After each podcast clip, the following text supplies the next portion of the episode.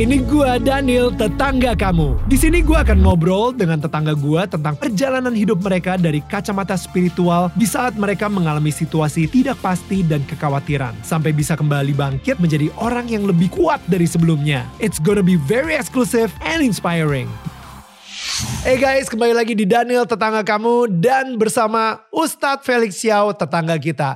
Well guys, gue pengen ingetin kalian kalau misalnya kita sudah ada playlist baru yaitu Ayah Bagaimana Bila Aku dan um, Lukman Sardi sebagai ayah virtual kalian semua. I really encourage you guys to watch it. Kita membuat uh, playlist baru ini dan wah mudah-mudahan kita mendapatkan apresiasi juga dari kalian dan kalian sendiri khususnya bagi orang-orang yang tumbuh tanpa figur ayah mungkin bisa mendapatkan healing melalui uh, playlist terbaru kita ini. Tapi yang pastinya kalau kalian pengen lebih update lagi dengan apa pun yang terjadi di Daniel Mananta Network, check out our Instagram di @danielmananta_network. Thank you so much guys and langsung balik lagi ke Ustadz. Uh, gini Tat, sekarang kita mau ngomongin soal gue uh, gue sebisa mungkin ini nggak nggak nggak nggak sesensitif itu. Ya, ya, ya. Tapi um, salah satu tujuan dari podcast ini itu adalah gue pengen menghilangkan yang namanya ketakutan dan uh, uh, pemecah belah gitu, maksudnya yeah. uh, diadu domba gitu. Karena Betul. apa? Gue ngerasa ketika seseorang, apalagi di media, mm-hmm. di mhm. media ketika seseorang ngebaca soal Felix Xiao gitu yeah, ya, wow, uh, right? Uh, lu sendiri juga bilang kalau lu sempat jadi nomor dua paling radikal yeah, di seluruh betul. Indonesia gitu kan. Uh-uh. Nah itu uh, akan menimbulkan sebuah ketakutan tersendiri. You know, Betul. mereka nggak akan konfrontasi lo. Mereka nggak akan ngomong, Bener. eh maksudnya apa sih yang lu ngomong itu. Mereka nggak akan coba cari perspektif apa yang lu punya dan mereka nggak akan coba berempati atau men, coba mengerti lo. Ya. Mereka udah langsung ngecap radikal. Benar. Gitu ya. Benar banget. Nah, so um, ketakutan ini itu mungkin yang menahan beberapa orang untuk ngobrol, untuk kita minum bareng misalnya apa minum air putih atau ngopi bareng atau ya. apa pun mm -hmm. itu dan um, ketakutan ini juga yang me menciptakan perceraian sih, maksudnya uh, pemisahan gitu, ya polarisasi yeah, ini, hmm. ya separation.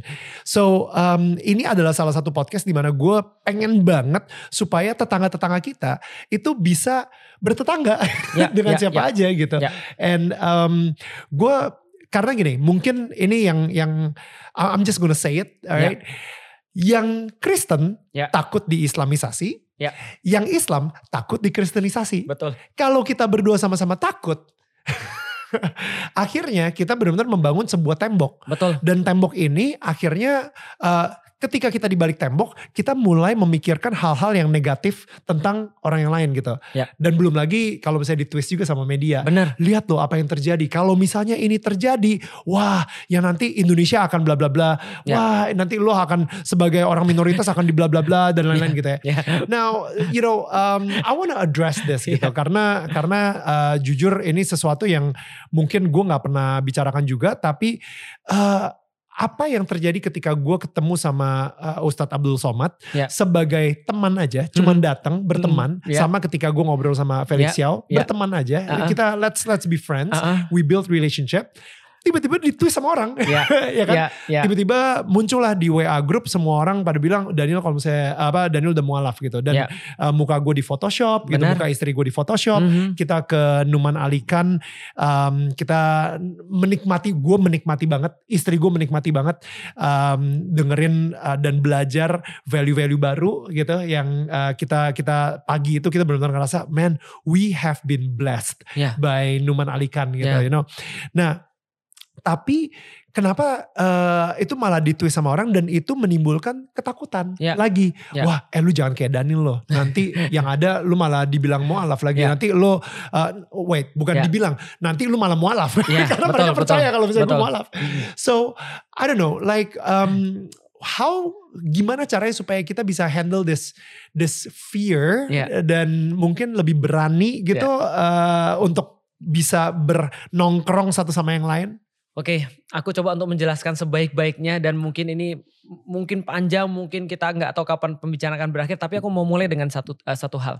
Aku pernah didatengin sama polisi di rumahku. Oke. Okay. Lalu kemudian dia bilang ke aku, Ustadz kalau bisa kita coba untuk menjaga situasi agar tetap kondusif. Aku bilang sama bapaknya, Pak, kalau bapak berpikir bahwasannya konflik itu antar agama, bapak sudah punya pendekatan yang kurang tepat. Hmm. Bapak tahu nggak sih Pak, konflik di antara orang Muslim itu lebih intens daripada konflik antar, Antar agama. agama. Wow. Itu Hmm. serius, itu Hmm. serius.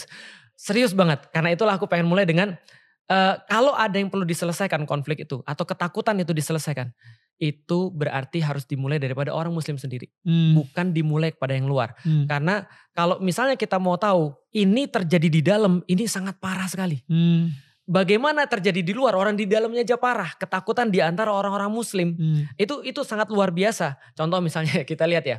Seolah-olah gini, kalau berbeda dengan saya berarti dia salah, aku benar. Atau berbeda dengan aku berarti dia bukan yang sama. Hmm. Padahal dia sama-sama muslim.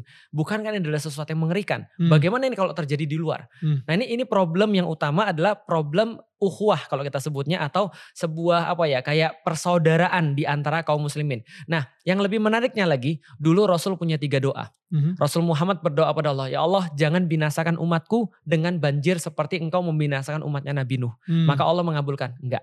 Hmm. Selama kamu ada, umatmu enggak akan, bukan selama kamu ada, umatmu enggak akan binasakan dengan banjir. Hmm. Yang kedua, ya Allah jangan binasakan umatku dengan kelaparan. Hmm. Maka Allah bilang umatmu nggak akan binasa dengan kelaparan. Mereka nggak akan pernah berkekurangan. Yang ketiga, Rasul doa ini masya Allah, ini luar biasa keren banget. Rasul berdoa gini, ya Allah jangan binasakan umatku karena pertikaian di antara mereka. Hmm. Doa ini tidak dijawab, Hmm. Oh my goodness. tidak dijawab. Hmm. Artinya adalah orang Muslim itu dari ribuan tahun yang lalu sadar dan paham serta tahu satu-satunya yang bisa membuat mereka hancur adalah pertikaian. Hmm. adalah rasa tidak suka di antara mereka. Pertanyaannya, dari mana rasa rasa tidak suka itu muncul? Satu, prasangka.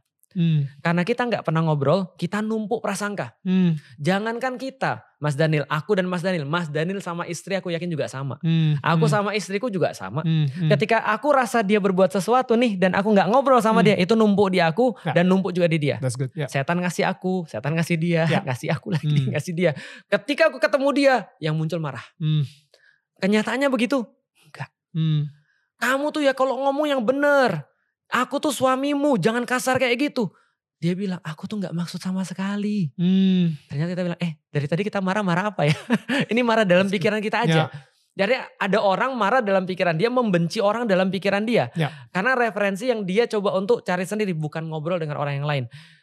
Mas Daniel tahu ketika Mas Daniel ketemu UAS banyak orang yang gak suka. Hmm. Karena mungkin orang-orang yang gak suka dengan UAS itu lebih banyak orang yang gak suka daripada aku. Hmm. Oh, khususnya orang-orang Kristen mungkin. Hmm. Karena pernyataan-pernyataan beliau yang sempat diviralkan dan segala Ya. macam. Kadang-kadang aku merasa sedih mas. Kenapa? Yang viral ini itu mereka bukan orang beragama juga sebenarnya. Hmm. Karena mereka yang cuma nyari AdSense. Hmm. Mereka nyari rame dan segala macam. Aku juga sering begitu diviralkan sama orang. Dan beberapa orang aku tanya, kamu ini siapa? Santri aku juga bukan, jamaahku juga bukan. Tiba-tiba ngangkat berita yang seolah-olah pakai judul yang sangat bombastis Hmm. untuk nyari AdSense. Hmm. Akhirnya dia minta maaf, tapi tolong, tolong dihapus. Kenapa? Karena ini kontraproduktif untuk dakwah. Hmm. Yang maksudku tuh bukan begini, kenapa kamu potong dan seolah-olah aku bilang begini dan Right. seterusnya. Nah ini adalah ketakutan-ketakutan pertama berasal dari tidak adanya komunikasi. Hmm. Aku alhamdulillahnya setidaknya aku sudah ada keluarga yang berbeda agama. Hmm. Sehingga aku nggak merasa takut. Sehingga aku nggak merasa khawatir. Bapakku juga merasa, Lik kalau sana memang Islam tuh yakin bahwa dia benar, kenapa dia harus takut dengan pemurtatan? Betul aku bilang. Hmm. Aku Hmm. nggak takut dengan pemurtatan aku bilang. Kenapa? Karena aku yakin dengan agamaku sendiri. Right. Gitu kan ya. Kenapa Right. kita harus takut? Exactly. Nah udah kita komunikasi aja. Dan sebenarnya kalau kita lihat lagi lebih lanjut, sebenarnya banyak sekali persamaan. Hmm. Kadang-kadang yang seperti aku bilang tadi, ada orang takut, eh kamu jangan deket-deket dia. Nanti kalau kamu disuruh mandi di rumahnya itu adalah itu adalah namanya Dibaptis. dibaptis. Right. Loh, aku bilang bukannya di dalam Islam juga kita disuruh mandi sebelum syahadat. sama sebenarnya konsepnya sama orang tuh supaya bersih ke- karena agama tuh bersih maka sebelum dia bersyahadat dia harus mandi dulu Hmm. bedanya dulu nggak ada kamar mandi gitu kan ya makanya di sungai Sungai Ma- Jordan. iya makanya di dalam Islam juga di Hmm. eh, di mata air mandinya tapi sekarang kan kita nggak perlu mandi di mata air lagi kan kita tinggal mandi wajib tinggal di WC kan gitu kan ya kenapa kamu harus takut takut gitu Right. maksudnya. Bahwa saya eh, ketika orang-orang mus- eh, orang-orang yang bukan muslim ketika dia ngelihat sorban dan Hmm. dia ngelihat gamis, dia mendadak jadi takut. Ya. Lalu aku bilang, "Lalu pakaian orang-orang di zaman Yesus seperti apa?" Aku tanyain.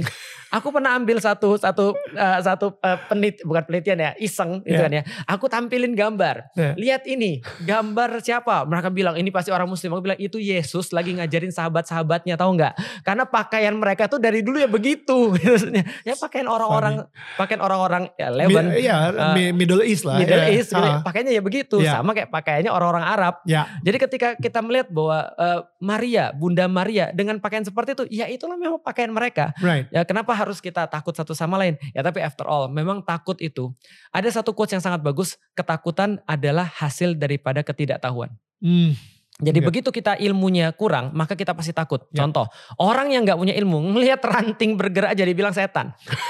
Dia bilang hantu, itu kan ya. Padahal ranting bergerak. Ya, ya, itu ya. kenapa pintu bisa nutup sendiri? Lah itu kan otomatis. Kan Ya, dia ya, nggak ya. tahu. Ya, Oh, ya. eh, ibarat orang udik terus tiba-tiba orang-orang kampung tiba-tiba pergi ke mall. Iya. Dia bilang ini ada Tangganya apa? jalan. Jalan. ini ada supernatural apa? Sebentar. Makanya orang-orang dulu bilang mereka adalah magician, Hmm. orang dulu bilang wizard. Hmm, Mereka mengartikan di mereka bukan wizard, we are scientist. hmm. Tapi karena orang nggak tahu mereka bilang ini adalah some kind of ya ya, ah, sihir Iya, gitu. sihir Ha. dan segala macam, yang Hmm. sesuatu yang jahat dan Hmm. seterusnya. Nah, maka ketakutan itu adalah hasil dari ketidaktahuan. Ya. Semakin banyak orang belajar, semakin dia akan lebih toleran terhadap eh, satu dan lain hal. That's good. Dan dan dia akan tidak terlalu mudah untuk takut pada sesuatu. Hmm, gue sendiri juga suka gregetan tuh kadang-kadang gitu ya. Hmm. Karena gue yakin banget ada beberapa prinsip di uh, kacamata lo itu sangat berbeda dengan prinsip di kacamata gue. Ya. Gitu. Gue gue meyakini sesuatu yang benar-benar sangat jauh berbeda dan um, and yet kenapa perbedaan itu malah kita besar-besarkan sehingga kita nggak bisa duduk bareng untuk ngopi gitu, Ya, untuk betul. untuk nongkrong aja gitu Betul. you know ya so ya wa- itu sih itu karena Ya. kayaknya kita harus sama dulu nih Itu masalahnya. Karena aku sama bapakku dan ibuku juga sering bertengkar, sering disagree Hmm. dengan segala sesuatu. Bapakku bilang misalnya contoh, oh Lik Nasrani itu bukan yang kayak kamu kira Nasrani yang sekarang. Nasrani Hmm. dulu itu adalah kaum bidat sehingga kami tidak mau disebut Nasrani. Ya gitulah. Ya tapi aku bilang iya nggak apa-apa. Cuma di dalam Islam kalian disebut dengan Nasrani. Right. Ah, kalian suka juga boleh, nggak suka juga nggak apa-apa. Artinya ada ada satu ada satu prinsip seolah-olah baru kalau kita bisa saling mencintai kalau kita sama. Hmm. Ini prinsip yang salah. Hmm. Justru kita itu bisa berbeda dan kita bisa saling mencintai. so good Ini yang diajarkan di dalam agama. Hmm. Kenapa?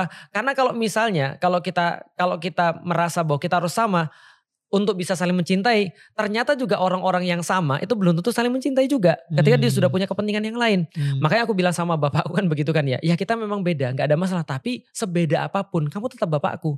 Dan kamu tetap ibuku. Dan aku tetap anak yang harus menghormati kalian berdua. Hmm. Artinya tidak mesti sama untuk jadi sesuatu yang eh, apa bisa saling mencintai. Dan problem problem itu kita perbesar lagi. Bahwasanya eh, orang-orang bilang gini, eh kita tuh beda. Karena kita beda, kamu pasti benci sama aku. Oh enggak loh. Hmm. Kita itu kalau orang zaman sekarang merasa bahwa beda itu berarti benci. Enggak. Hmm. Kita beda belum tentu kita benci. Kita Hmm. nggak suka belum tentu kita benci. Hmm. Maka di dalam Islam aku nggak suka makan babi. Sorry, Hmm. aku nggak boleh makan babi. Hmm. Tapi bukan berarti aku benci babi. Hmm. Hmm. Jadi artinya aku juga nggak membenci orang yang berbeda dengan aku. Hmm. Cuma kita nggak sama aja. Hmm. Gitu loh. Artinya gini, menarik tentang toleransi masa kini. Mhm. Toleransi masa kini, Mas Daniel minum teh, aku minum kopi. Hmm. Dan toleransi masa kini adalah salah satu di antara kita harus ikut dengan yang lain. Ya.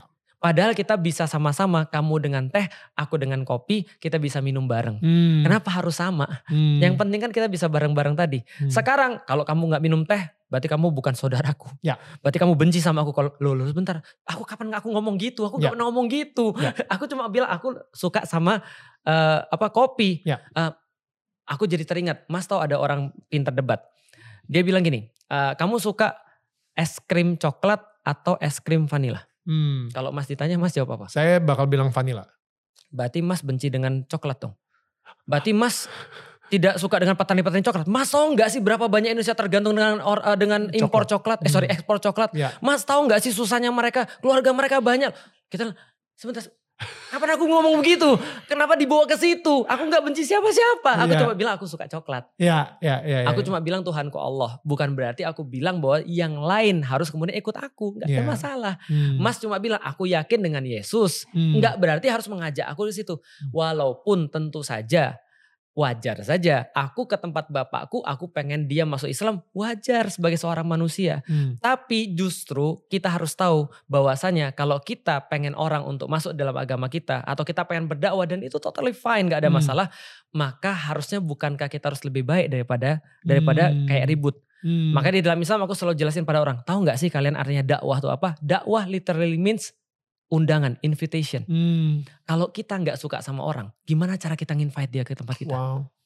Kalau kalau Daniel nggak nggak suka sama, kalau Daniel benci sama aku, bagaimana mungkin dia ngundang aku ke sini? Hmm. Nggak mungkin. Berarti ketika orang menginvite orang ke rumah dia, invite orang ke tempat dia, minimal dia harus suka. Hmm. Hmm. Ya, Hmm. Terus alasan apa untuk untuk bisa bercerai-berai? Hmm. Kalau jadi gini, aku tanya sama orang, kamu tuh dakwah sebenarnya itu karena hate atau kamu karena karena pengen love? Hmm. Ternyata Mas, nggak bisa dipungkiri, ada banyak orang-orang yang berdakwah bukan karena mereka pengen orang tuh masuk Islam, tapi simply mereka cuma pengen nyalain orang lain. Hmm. Jadi mereka mau beragama apa aja itu sama. Maka mungkin aku pengen ngomongin eh, ngomong ini penting juga. Sebelum kamu jadi seorang Muslim, kamu harus eh, kamu harus belajar jadi manusia. Oh. Ya. Jadi ada beberapa orang tuh dia tidak bukan tidak lulus jadi orang Muslim, dia nggak lulus jadi manusia. Gak lulus jadi orang. Iya. Iya. Makanya sebelum berdakwah jadilah orang dulu, jadilah temen dulu, baru dakwah gitu maksudnya. Lah kamu tiba-tiba dakwah jadi manusia aja belum. Iya, iya, iya. iya. Tiba-tiba ngomongnya kasar, Ya, tidak tiba-tiba maki orang. Aku bilang ini bukan hanya nggak lulus jadi orang muslim ini, Hmm, jadi hmm. manusia aja nggak pantas gitu loh maksudnya. Ya, Jadi ya udah belajarlah jadi manusia dulu. that's so good. Kita kekurangan banget yang namanya menghormati uh, di- karena lebih sering meremehkan Ya. gara-gara kita ngerasa paling benar sehingga kita uh, ketika kita meremehkan itu udah ada sebuah uh, opini sendiri yang kita buat di otak kita dan mengecilkan orang lain ya kan dan akhirnya kita ngerasa power syndrome gitu Wah, you know what I mean like akhirnya uh, di situlah akhirnya perbedaan dan tercerah berai itu dan ya kenapa Daniel ngomong di kepala aku jadi ayat ya? Serius loh. Makanya aku tawa-tawa sendiri. Daniel ngomong di kepala aku jadi ayat. Jadi gini, eh, apa namanya?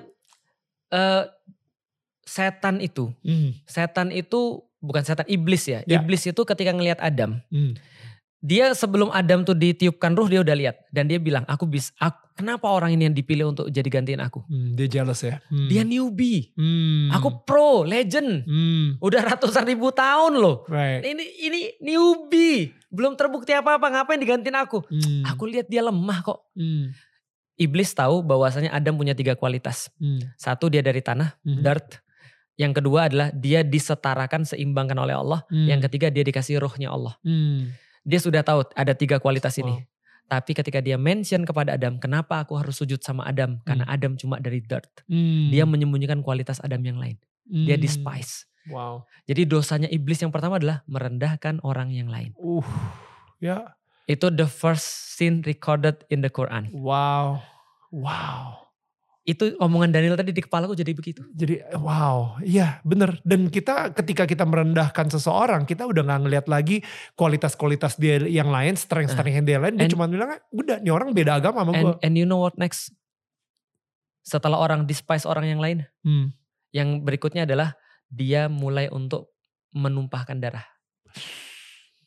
Itu yang terjadi. Ya. Karena dia lebih rendah, dia layak mati. Hmm. Karena dia lebih rendah, dia layak menderita. Hmm. Karena dia cuma eh, evolusi monyet, Hmm. dia layak untuk menderita. Hmm. Itu hasil dari despise. Hmm. Makanya dosa yang paling berbahaya di dalam Al-Quran ada dua. Satu adalah takabur, merasa Hmm. diri orang lebih rendah daripada dia. Yang kedua adalah ignorance. Ignorance and arrogance. Hmm. Dua itu dua, dua, dua dosa yang paling parah dalam Al-Quran. Hmm. Penghalang orang dari keimanan, arrogance, ignorance. Wow. Dan gue berharap banget uh, again setelah kalian ngeliat podcast ini pun juga ya kita bukan cuman um, toleransi menurut gue itu level paling bawah. Ya, Oke, ya, toleransi betul. itu level paling bawah. Kedua adalah menghormati dan ketiga adalah mencintai. Dan gue berharap banget kita bisa sama-sama mencintai untuk membangun hubungan itu gitu. Luar biasa. Right? Ada pertanyaan. Kalau andaikan agama nggak turun, Hmm, kalau andaikan tidak ada Alkitab, tidak ada Al-Quran, tidak ada Zabur, Taurat, semua nggak ada. right. Pertanyaannya, apakah kita akan bunuh orang tiap hari? Most probably masih sih. Apakah kalau misalnya Mas Daniel punya tetangga, Mas Daniel akan maki-maki pada tetangganya? It's yeah, Ya, artinya no point. ada ada ada seseorang yang pernah bilang, andaikan tidak ada perintah jangan membunuh orang, apakah kita juga akan tiap hari bunuh orang? Kayaknya No. tidak deh. No. Kayaknya kita juga akan maki-maki. Kenapa? Karena manusia punya fitrah. Hmm, Maka itu yang kita bilang tadi, belajarlah dulu jadi manusia. hmm, Kalau kita jadi manusia, maka agama itu akan menjadi se- sebuah value yang lebih bagi kita. ya, Makanya toleransi betul, hanya level yang paling awal. Hmm. Mengerti orang itu hanya level paling awal. Yang paling tinggi benar. Ketika kita sudah mencintai orang, kita jadi maklum kalau dia punya salah. ya, Kita jadi eh, kita jadi membenar bukan membenarkan, kita jadi merasa merasa bertanggung jawab kalau berempati. Ya, berempati. Ya. Kita akan coba untuk nolong dan segala macam. Makanya benar, semua semua semua di dunia ini, makanya aku kadang-kadang suka suka agak ini ya, suka suka agak dalam tanda kutip merasa eh, triggered ketika kemudian eh, orang-orang eh, orang-orang Kristen mengatakan bahwa kami ini agama kasih. hmm, Aku bilang pada orang-orang Muslim, bukankah kita itu juga sama-sama agama kasih? hmm, Karena bukankah Allah tuh ngasih tahu bahwa semuanya out of love. Ya. Kamu mau dakwah, kamu jangan dakwah kalau kamu nggak cinta sama orang. Karena Hmm. kamu pasti nanti akan membuat Islam tuh jadi jelek. right. Gitu kan ya. Kamu jangan ibadah kalau kamu nggak gara-gara cinta. Nanti kamu jadi terpaksa. Ya, gitu ya. kan ya. Semuanya out of love. Hmm, Nah makanya Allah di antara 99 nama Allah, Allah pilih dua nama Rahman dan Rahim. hmm, Yang menariknya adalah Rahman dan Rahim. Rahim itu cuma dititipkan bagi wanita. hmm, Karena rahim. Kalau laki-laki yang pakai rahim, kita kayaknya sudah punah dari dulu. Itulah kenapa tuh Twitter itu adalah tempat yang sangat mengerikan karena banyak laki-lakinya. Laki-laki ketemu orang ribut loh. Iya. Perempuan ketemu orang mereka lebih rahmah, mereka lebih penuh dengan kasih sayang. Hmm, Makanya rahim dititipkan bagi mereka. hmm, Karena untuk untuk membesarkan anak kamu nggak perlu logika. hmm, Untuk membesarkan anak kamu nggak perlu debat. hmm, Untuk kemudian buat anak tuh jadi kemudian baik, kadang-kadang kamu cuma perlu untuk menyayangi dia. menyayangi dan mengasihinya aja Iya. gitu. And I hope ini yang eh, yang kalian sendiri sebagai tetangga-tetangga kita gitu ya bisa merasakan ini gitu. Bahwa kita em, pertanyaannya ya ketika kita melihat seseorang yang berbeda dari kita gitu ya pertanyaan yang muncul adalah bagaimana ba- well, jangan lagi jangan lagi. Bagaimana supaya kita bisa membuat dia sama-sama gue? Iya, no pertanyaannya adalah bagaimana cara gue untuk melayani dia gitu kan bagaimana cara gue untuk mengasihi dia bagaimana cara supaya dia tahu bahwa dia itu disayang dan dia itu dan orang-orang yang bisa melakukan ini adalah orang-orang yang mengetahui banget kalau misalnya dia disayang juga oleh Tuhan gitu iya benar. You know, karena dari dari dari sayangnya Tuhan dari rasa, dari rasa kasihnya Tuhan akhirnya kita bisa mengasihi orang lain juga gitu and I think biasa. itu ya itu dia kenapa balik lagi kita selalu bergantung sama Tuhan. Ya. Jangan mikir oke dengan effort gue sendiri gue akan menyayangi orang ini. Tapi kalau misalnya orang ini jahat sama gue, gue benci sama dia. It's it's it's tough. Aku mau ngomong lagi tapi takut panjang. Gak apa-apa, gak apa-apa. Ya, karena di kepalaku jadi hadis tadi. jadi ya udah jangan. panjang nanti makanya. Oke, jadi dah. jadi eh, pelajarannya adalah ternyata eh, kalau orang itu sudah sama-sama mencintai Tuhan atau minimal dia Yes. mau berjalan menuju Tuhan, Yes. minimal dia punya kesamaan. Yes. We have a lot of uh, something similar Ya, than different than we thought. ya, ya, ya. Dan itu juga bisa terjadi sama orang yang lain. Yang kita kira kita lebih banyak punya banyak eh, perbedaan daripada persamaan. Hmm, gue gue sendiri juga sa- samping ngerasa gitu ya kayak um, maksudnya komentar-komentar itu banyak banget eh, ketika ada eh, berita hoax tersebut gitu. Ya. Um, dan gue sendiri ngerasa kayak my goodness this is sampai ada yang WA gue dan percaya gue kayak Iya, "Are iya, iya, iya. what? You Oh, know? jangankan Mas jangankan Mas Daniel temennya, barusan Bapak Sena emang benar Daniel masuk Islam. Aku bilang hoax. right? It's so funny. I sampai bahkan ada yang yang yang sering ngedoain gue Yeah. kayak gitu. Sampai dia ditanya-tanyain sampai dia "Eh, tolong dong kasih klarifikasi. Ngapain kasih klarifikasi? betul. I don't care gitu. It's getting worse. It's getting worse. Nah, lu sendiri Mm-mm. dan oke ini ini ini gue sharing sedikit aja gitu ya. Pas ketika uh, orang-orang banyak yang nanya gitu, kenapa Daniel nggak kasih klarifikasi? Dan em, karena ketika gue lagi berdoa sama Tuhan, Yeah. tiba-tiba muncul di layar uh, TV gue, kebetulan gue lagi dengerin apalah YouTube em, secara random gitu uh, dan keluar ayat-ayat dari Injil gitu. Dan ini secara random banget keluar Exodus 14 14. Ya.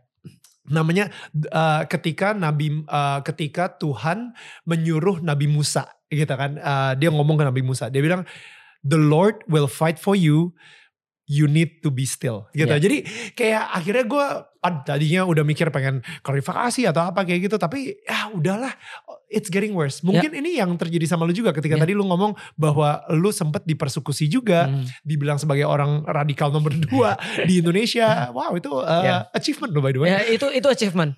Karena aku mengartikan mau love mau hate itu adalah sebuah perhatian. Yeah. Itulah sebuah perhatian dan saya dapat perhatian itu, maka kita harus jangan bersyukur. Yeah. Walaupun di dalam ya. What did you do ketika yeah. lo di karena gue yakin banget ya, maksudnya banyak netizen juga yang menyerang yeah. banyak uh, orang-orang yang bukan cuman ngomongin tentang lo tapi ngomongin soal istri dan anak-anak juga yeah. yang udah went too far. Yeah. You know, I, jadi I, maksudnya yeah. kayak so many people dan gue yakin banget tuh fotonya pun juga profile picture dari siapa gitu dan habis itu mereka bikin account eh, betul. Uh, bodong lah kayak hmm. gitu. So how do you respond to that? Ya, pertama uh, aku sudah bilang tadi bahwa setiap hal itu adalah perhatian. Hmm. Jadi sebenarnya bahan bakar cinta dan bahan bakar benci itu kan sama. Hmm. Yaitu adalah kamu harus perhatian pada orang. Hmm. Bahkan benci itu lebih sulit daripada perhatian.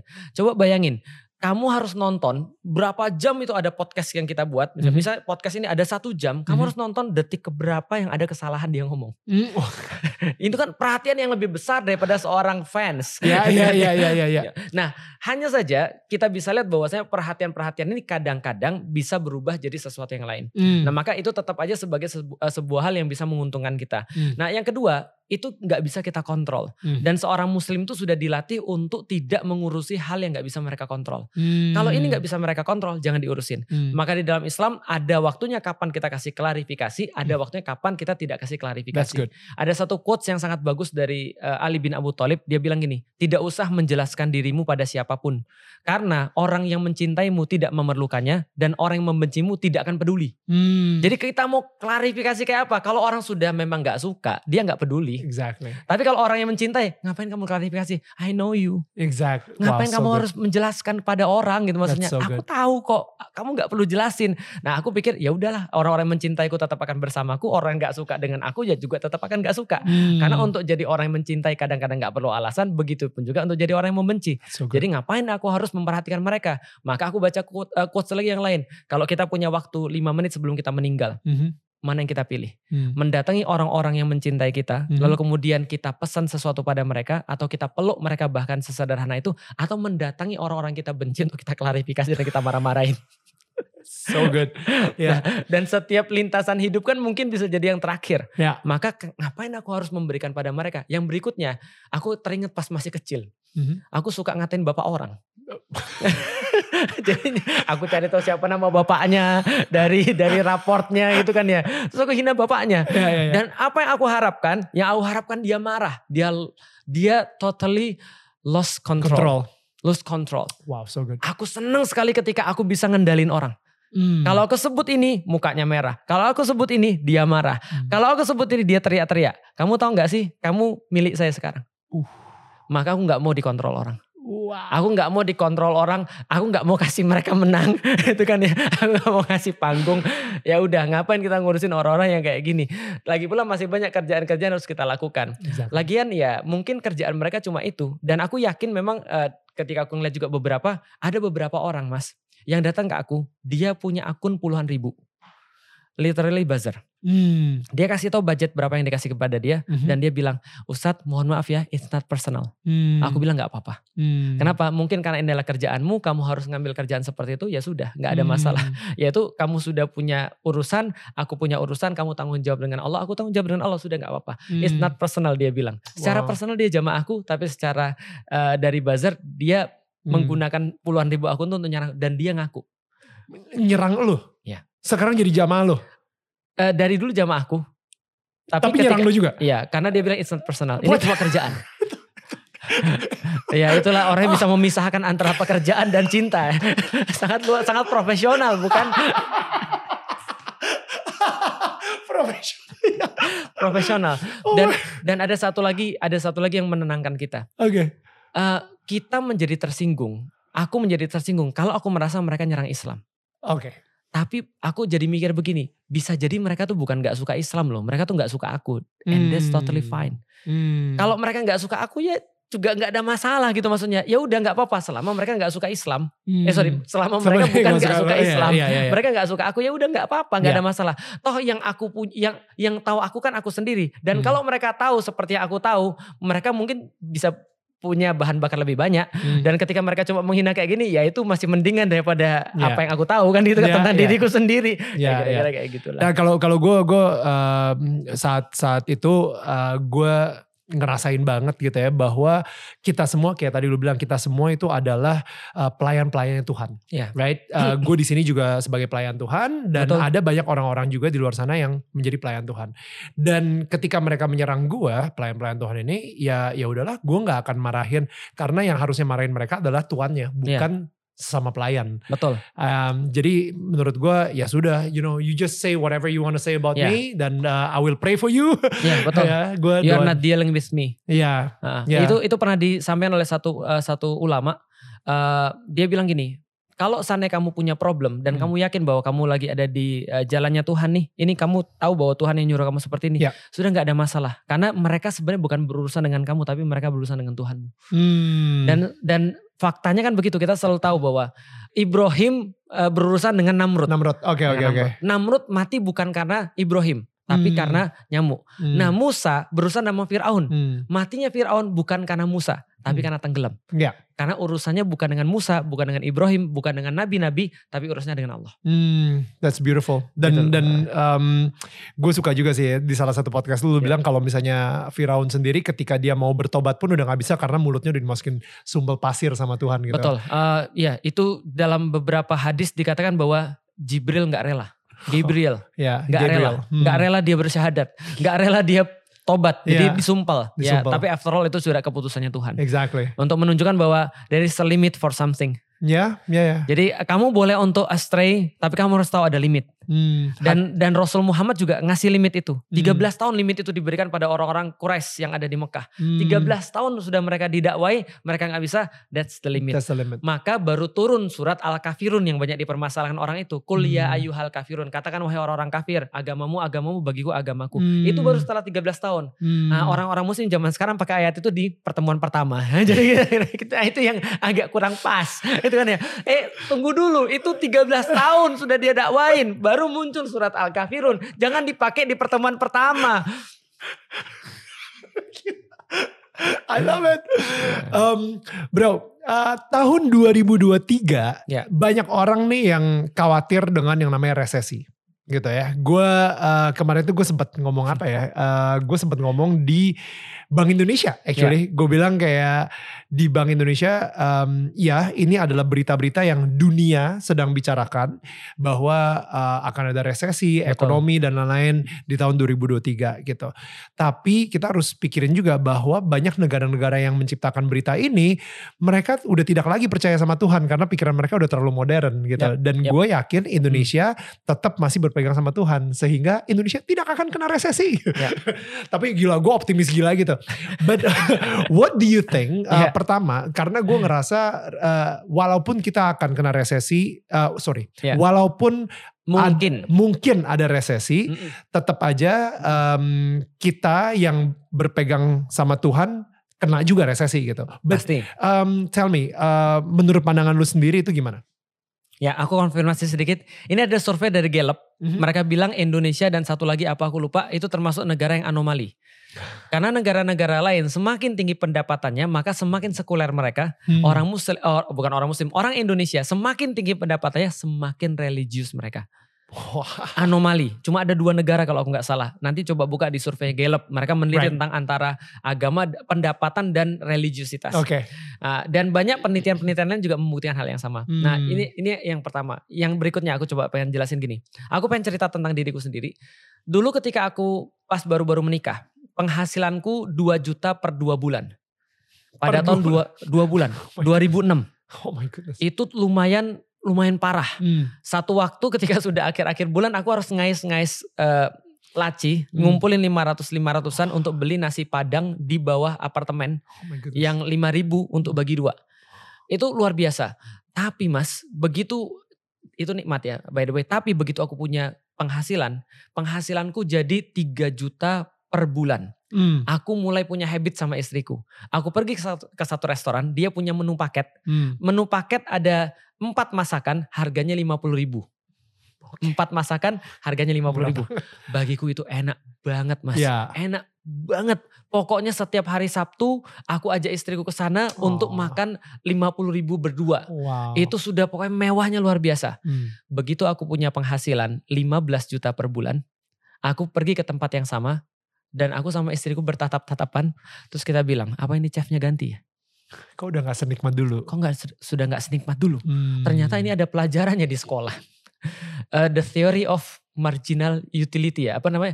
Eh, apa namanya? Pokoknya teori ini mengatakan bahwa semakin sesuatu itu dinikmati, semakin dia berkurang. Hmm. Kenikmatannya berkurang. Contoh, kita lagi puasa atau lagi intermittent fasting, Mhm. Lalu kemudian kita pas lagi mau makan, itu satu mangkok bakso tuh rasanya kayak surga. Iya. Apalagi kalau orang Cina makan mie, itu Hmm. luar biasa. Enak banget. Hmm. Tapi dikasih mangkok mie yang kedua, Hmm. rasanya nggak seperti yang pertama. Karena udah kenyang. The diminishing theory of marginal utility. Hmm. Eh, sudah nggak sana. Mangkok ketiga, sudah mulai agak rasa-rasanya udah enak. Hmm. Keempat tegang. Karena kenapa? Karena it's keep coming. Ya. Dan dan kita sudah merasa sesuatu yang berbeda. Apa yang pengen aku apa apa, apa hubungannya dengan krisis? Ternyata benar. Yang bermasalah bukan apa yang datang, tapi yang bermasalah adalah respon kita terhadap itu. Makanya di dalam Islam kalau dikatakan apa inti ajaran Islam? Inti ajaran Islam adalah respons. Inti ajaran Islam adalah Islam ngasih tahu kamu bahwasanya segala sesuatu yang datang pada kamu adalah soal dan guru tidak pernah nilai soal. Guru selalu nilai jawaban. Responsnya. Betul, respons. Jadi mau soalnya kayak apa? Nggak masalah. Yang penting kamu bisa jawab. Hmm. Tapi kalau soalnya sedikit, mudah. Kamu nggak bisa jawab, problem. Hmm. Nah makanya kita harus tahu bahwa kita itu sudah nyiapin jawaban atau belum. Karena karena problem tuh sangat banyak sekali. Hmm. Tapi jawaban itu memberikan nilai bagi kita. Ya. Nah sekarang pertanyaannya adalah yang datang apa dan jawaban kita seperti apa. Ternyata bukan yang datang yang buat kita merasa senang dan happy. Tapi bagaimana respons kita. Hmm. Dalam Islam ada namanya syukur. Dalam Hmm. Islam ada namanya kona'ah. Dalam agama lain juga sama. Hmm. Bukan yang di luar yang membuat kita merasa bernilai, tapi apa yang respon kita yang membuat kita merasa bernilai. Hmm. Artinya apa? Apakah orang-orang eh, beragama, apakah orang-orang beriman, apakah orang-orang baik itu terkena eh, resesi? Resesi. Mungkin. Hmm. Apakah orang-orang eh, kaya terkena resesi? Iya. Mhm. Orang-orang miskin terkena resesi? Iya, Mhm. jelas. Tapi pertanyaannya bukan itu. Pertanyaannya adalah bagaimana cara respon mereka. Oke kita kita nggak usah lihat resesi. Kita Hmm. lihat aja yang tidak resesi. Pertanyaan sederhana. Negara mana di Asia yang ekonominya berkembang bagus? Secara secara eh, orang-orang barat ngelihat itu berkembang. Perkembangannya di atas 6%, di atas 7%, bahkan hampir 9%. Tapi angka bunuh dirinya banyak. Hmm. Siapa yang bunuh diri? Orang-orang kaya. Hmm. Aku pernah baca ada CEO Hyundai kalau nggak salah Mhm. loncat dari lantai 33. Ya. Dia punya uang, dia punya anak, dia punya keluarga, dia punya mobil jelas, Hmm. dia punya rumah jelas. Mungkin dia mikir gini, apalagi yang gue belum punya. Hmm. Lantas nggak usah resesi. Nggak usah resesi yang buat dia untuk mengakhiri hidup dia. Ya. Nah pertanyaannya susah tuh di mana sih? Susah itu adalah responnya kita terhadap soal. Itu Hmm. susah. Hmm. Dan mudah itu apa sih? Responnya kita terhadap soal. Hmm. Maka Islam tidak pernah mewajibkan kamu jadi kaya. Islam juga tidak mengharuskan kamu untuk jadi miskin. Islam nggak mewajibkan kamu jadi pinter. Juga nggak juga nggak mengharuskan kamu untuk jadi bodoh. Tapi bagaimana responsmu dalam setiap peristiwa itu Islam atur. That's so good. Itu Islam atur. Mau resesi mau apa pun. What is the right response then? Nah respon kita adalah Allah tidak akan mungkin untuk Sorry, kita tidak akan pernah mati sebelum rezeki kita selesai. Ada satu hadis yang menarik banget. Oh, sebelum saya cerita hadis ini, pernah tahu eh, apa namanya? eh, satu suka nonton film, ah, Mas. Ya ya. Ada judulnya Appointment in Damas, eh, Appointment in Damascus. bukan Damaskus, in eh, eh, apa namanya? Saroman Roa. Eh, Saroman Roa, Samara, Appointment in Samara. No. Nah, salah satu film Sherlock Holmes itu ada Hmm. satu judulnya Appointment in Samara. Oke. Nah, itu menarik sekali karena ini pelajaran dalam kajian sebenarnya. Oh, Oke. Jadi ada seorang, seseorang ini kerja di Damaskus, eh sorry, eh, kerja di Irak, di Oke. Baghdad. Dan di Baghdad ini sangat luar biasa besar sekali. Judul yang lain appointment in Istanbul, appointment in mana banyak. Tapi ini Hmm. appointment in Samara. Baghdad ini sangat besar sekali dan pasar besar itu sangat ramai sekali. Ada satu malaikat maut Hmm. jalan-jalan di pasar. Ini Hmm. ini bohong ya, Alright. jangan percaya. Fiksi ini cuma eh, cuma yang di- diambil hikmahnya aja. Oke. Ada satu orang dia ngeliat malaikat maut, Hmm. kaget dia. Hmm. Dia sudah tahu ini ajalnya dia. Hmm. Langsung dia lari ketika malaikat maut, malaikat maut, malaikat maut juga kaget ngeliat dia. Dia langsung lari ke bosnya dia bilang, "Bos, saya pinjam kuda yang paling cepat, saya mau kabur dari Baghdad. Kenapa? Saya punya tugas yang berat, menghindari maut." Hmm. Dia langsung berkuda 60 km di sana ada satu kota dibangun baru namanya Samarra. Hmm. Eh, singkatnya Sarro Manroa. Eh, menyenangkan, pleasing bagi orang-orang yang melihatnya. Oke. Dalam bahasa Arab. Itu kota keren banget juga, bagus juga 60 kilo dari eh, dari Baghdad. Dia sampai ke sana di malam hari. Hmm. Sampai sana di malam hari. Nah, ketika ngelihat itu sebelum dia lari, malaikat mau terkejut. Hmm. Lalu dia datang pada bosnya. Dia tanya, siapa itu orang tadi yang barusan minta izin tadi? Hmm. Dia bilang, itu karyawan saya. Mau ke mana dia? Dia mau ke Samara. Oh pantas kata malaikat maut. Kenapa? Aku tadi kaget ngelihat dia. Hmm. Karena dalam buku catatanku, aku harusnya ngambil nyawa dia di Samara. Samara. Sama aja mati kan gitu kan ya. Nah berkaitan dengan takdir aku pengen bilang gini. Ada satu ada satu hadis yang menarik. Pernah dikatakan oleh Rasulullah, dia bilang gini. Ada dua makhluk kata Rasulullah yang kalau sudah ngejar itu nggak akan pernah lepas. Hmm. Ada dua makhluk Allah, ada dua ciptaan Allah. Kalau sudah ngejar nggak bakal bakal lepas. Satu namanya rezeki, Hmm. dua namanya maut Maut. atau ajal. Nah kata Rasul cuma rezeki suruh duluan. Hmm. Kalau dia sudah selesai baru ajal boleh masuk. Hmm. Jadi kalau mereka lagi ngobrol-ngobrol, ini tambahan aku ya, Hmm. bukan hadis ya, ini Iya, tambahan iya, aku ya. Tadi kan kayak tadi kalau di bahasa lain kan. Tambahanku gini, kalau eh, rezeki ngomong, eh, sorry ajal ngomong, Ki gimana Ki, udah beres belum? Belum jal, akhirnya kira gitu. Nanti ya jal, kalau udah beres aku panggil. Right. Jadi rezeki ini harus ngabisin tugas dia dulu karena dia harus ngejar dan nggak boleh nggak dapet. Right. Dia ngejar pasti dapat. Setelah dia habis, baru dia bilang jal eh, giliran. Right. Artinya apa? Seorang muslim itu yakin, seyakin-yakinnya sebelum rezeki dia habis, ajal nggak bakal datang. Hmm. Jadi kalau masih ada rezeki buat kamu, kamu, keluarga kamu aman. Hmm. Berarti gini, orang-orang muslim tuh udah udah udah dikatakan gini, besok makan pasti atau enggak? Pasti. Hmm. Kalau masih ada rezeki, pasti kita makan. Nah, eh, apa namanya? Kita pasti makan.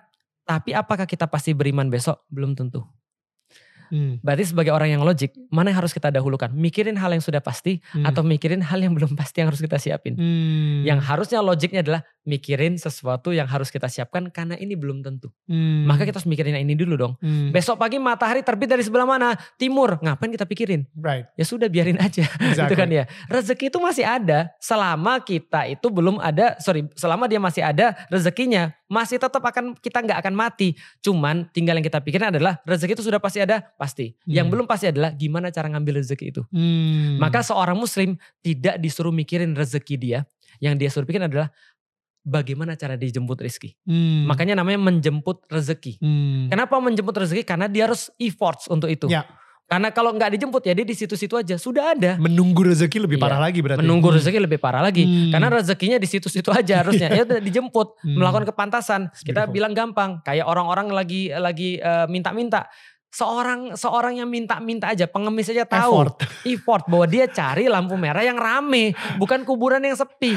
Itu yang kita lakukan. Maka tadi ya berkaitan dengan resesi. Eh, pertama sikap mental. Hmm. Kita udah pernah melalui ini banyak kali. Ya. Dan sebenarnya kalau kita uh, membahas tentang ini, Barat punya definisi resesi yang berbeda dengan orang-orang Timur punya definisi resesi. Oke. Khususnya kalau kita mau bahas tentang ekonomi ya, Barat itu tidak punya pangan. Kita punya pangan yang sangat besar. Hmm. Artinya selama kita masih punya pangan, kita masih tetap bisa hidup. Hmm. Orang-orang Barat ketika terjadi perang Rusia Ukraina, mereka sangat terdampak soalan gas. Kita Hmm. nggak terdampak soalan gas. kita punya. Ya. Kita punya gas. Nah, sekarang problemnya adalah kita ini belum mandiri. Karena Hmm. kita itu udah punya segala-galanya, cuma belum mau jemput. Hmm. Nah sehingga menurutku yang harus disiapkan kalau aku jadi pemerintahnya asik gitu kan ya. Wah. Kalau aku jadi pemerintah adalah aku nyiapin mindset. Hmm. Karena ini investasi yang gak pernah akan hilang. Hmm. Investasi mindset kepada orang bagaimana caranya survive Untuk di menjemput. tengah Hmm. kondisi resesi seperti ini.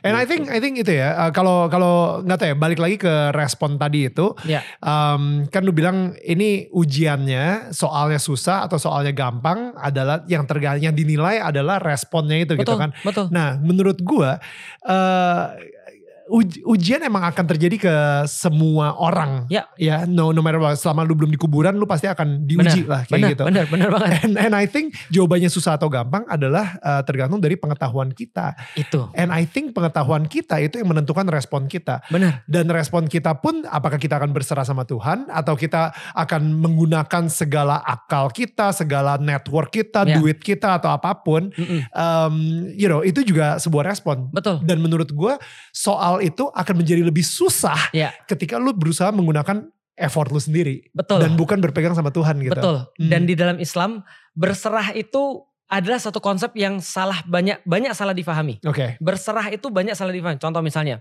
eh, ketika Allah katakan wasta'inu bisabri wasalah. Kalau kamu dalam masalah, maka meminta tolonglah kepada Allah dengan sabar dan sholat. Hmm. Orang banyak mengatakan pasrah itu berarti sesuatu yang bersifat eh, apa ya pasif. Hmm. Di dalam Islam, pasrah itu bersifat eh, bukan pasif tapi aktif. Oh, Pasrah itu proses aktif. which is berserah itu juga proses aktif. Aktif. Oke. Keren di dalam Islam. Oke. Eh, contoh misalnya, uh, wasta'inu bisabri wasalah itu dalam dalam bahasa Indonesia meminta tolonglah kepada Allah dengan sabar dan sholat. Hmm. And you know di dalam Islam tujuh kali, eh, bukan tujuh kali, empat belas kali sehari mereka sebut suratul Fatihah Mhm. yang selalu dibaca. Di dalamnya ada kata-kata iya karena budu wa iya karena stain. Oke. Kata istain atau meminta tolong pada Allah itu dalam bahasa Arab sekali lagi kalau cuma dibaca literasi cuma minta tolong. Hmm. Tapi dalam khazanah bahasa Arab di zaman itu artinya adalah meminta tolong ketika kamu sudah hopeless. Hmm. Artinya pasrah itu aktif. Contoh, ada ada ban kita di jalan eh, mobil kita pecah ban. Hmm. Lantas kita bilang, gua berserah kepada Allah. Hmm. Allah akan mengantarkan orang baik ke sini. dan dia akan nambal ban gue. Iya iya iya. Dia akan nambah ban. Itu bukan berserah. Itu bukan. Itu namanya adalah males. Dan di dalam Islam berserah pasrah tuh nggak gitu Iya, iya, kondisinya. iya, iya. Berserah adalah Anda keluar pasang itu segitiga Iya. pengaman gitu kan Iya. ya. Lalu kemudian Anda keluarin ban Anda. Nah, ketika Anda sudah coba untuk melakukan itu dan Anda nggak bisa tetap untuk ini melakukan Baru itu, minta. tiba-tiba ada orang, eh ada orang kesulitan nih. Iya. Baru dia datang. Nah, itu Iya. namanya meminta tolong padahal istain. Itu namanya adalah proses aktif. Nah, sama kayak kayak eh, ekonomi, resesi. Hmm. Kalau kita cuma berserah, ya udah pokoknya enggak di dalam Islam tidak satu paket. Berserah di dalam Islam adalah menyiapkan dengan proses aktif. Contoh, ini ini, ini ada satu cerita bagus banget. Ketika perang eh, perang Badar, Mhm. yang perang yang sangat fenomenal di dalam Islam, itu Rasul ngangkat tangan nggak berhenti berhenti berdoa pada Allah. Mhm. Ya Allah, ya Allah, ya Allah, ya Allah. Sampai sahabat terdekatnya bilang gini, wahai Rasulullah, setengah doamu sudah cukup ya Rasulullah. Hmm. Lalu kemudian Rasul tetap berdoa lagi Hmm. dan nggak habis-habis usahanya. Eh, kata Rasul apa? Kita cuma pasrah pada Allah. Hmm. Tapi pasrahnya Rasul means dia berdoa nggak habis-habis, Hmm. means dia nyiapin pasukan perang, Hmm. means dia buat strategi yang paling Hmm. bagus, Hmm. means dia latih setiap orang agar kemudian yakin bahwa mereka akan menang, Hmm. means everything. Wow. Itu berserah di dalam Islam. Wow. Wow. Jadi bukan cuma proses pasif. Hmm, nah, di- maksudnya kayak dia cuman uh, berdoa berdoa Ah, berdoa, nggak. tapi uh, apa sardadunya nggak diurusin, Ya. dia nggak punya strategi buat Betul. itu. Oh, oh. Ya pokoknya kita lihat aja deh, mudah-mudahan Tuhan Iya. yang akan. Ya, Nggak it's gitu. not like that. Sampai Berserah- debat iya. mereka strateginya. Hmm. Ketika Rasul bikin strategi tiba-tiba ada orang lihat.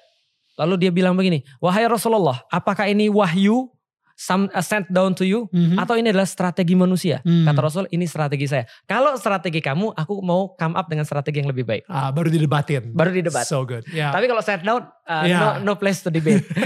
gak, gak, gak ada, no room to debate. that's so Nah, good. maka kemudian itu yang terjadi pada per- mereka debat banyak sekali eh, untuk satu peperangan yang memang luar biasa. Artinya kalau kita katakan pasrah itu berarti pasif, ah, dia perlu banyak belajar tadi. Ya, ya.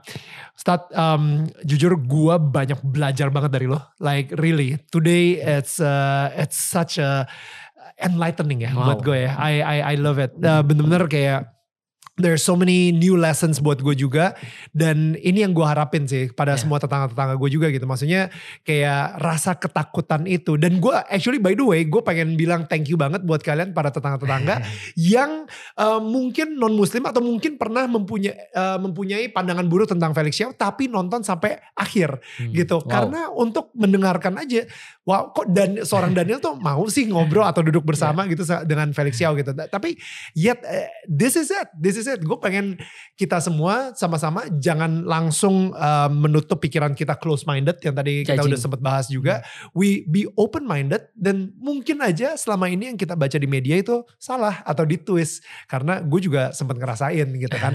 So um, beneran deh, gue gue banyak belajar banget and uh, thank you so much Tat untuk Ya. uh, waktunya. Dan kalau aku boleh nambahin sedikit aja, eh, tadi dari tadi kan Mas Daniel bilang ke aku ya, bahwasanya Mas Daniel pengen jadi jembatan. Mhm. Dan inilah yang aku lakukan di dalam dunia Islam, jadi Hmm. jembatan. Uh, Dan kita semua sudah tahu, resiko untuk jadi jembatan adalah diinjak-injak. Ya.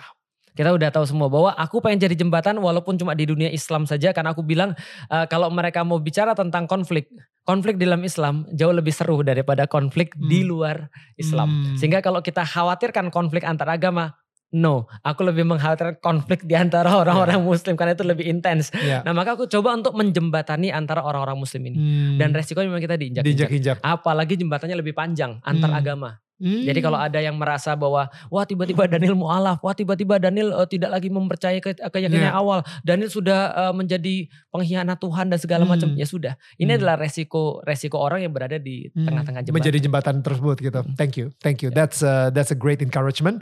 Uh, Daniel akan terus diinjak-injak karena jadi jembatan. Thank you.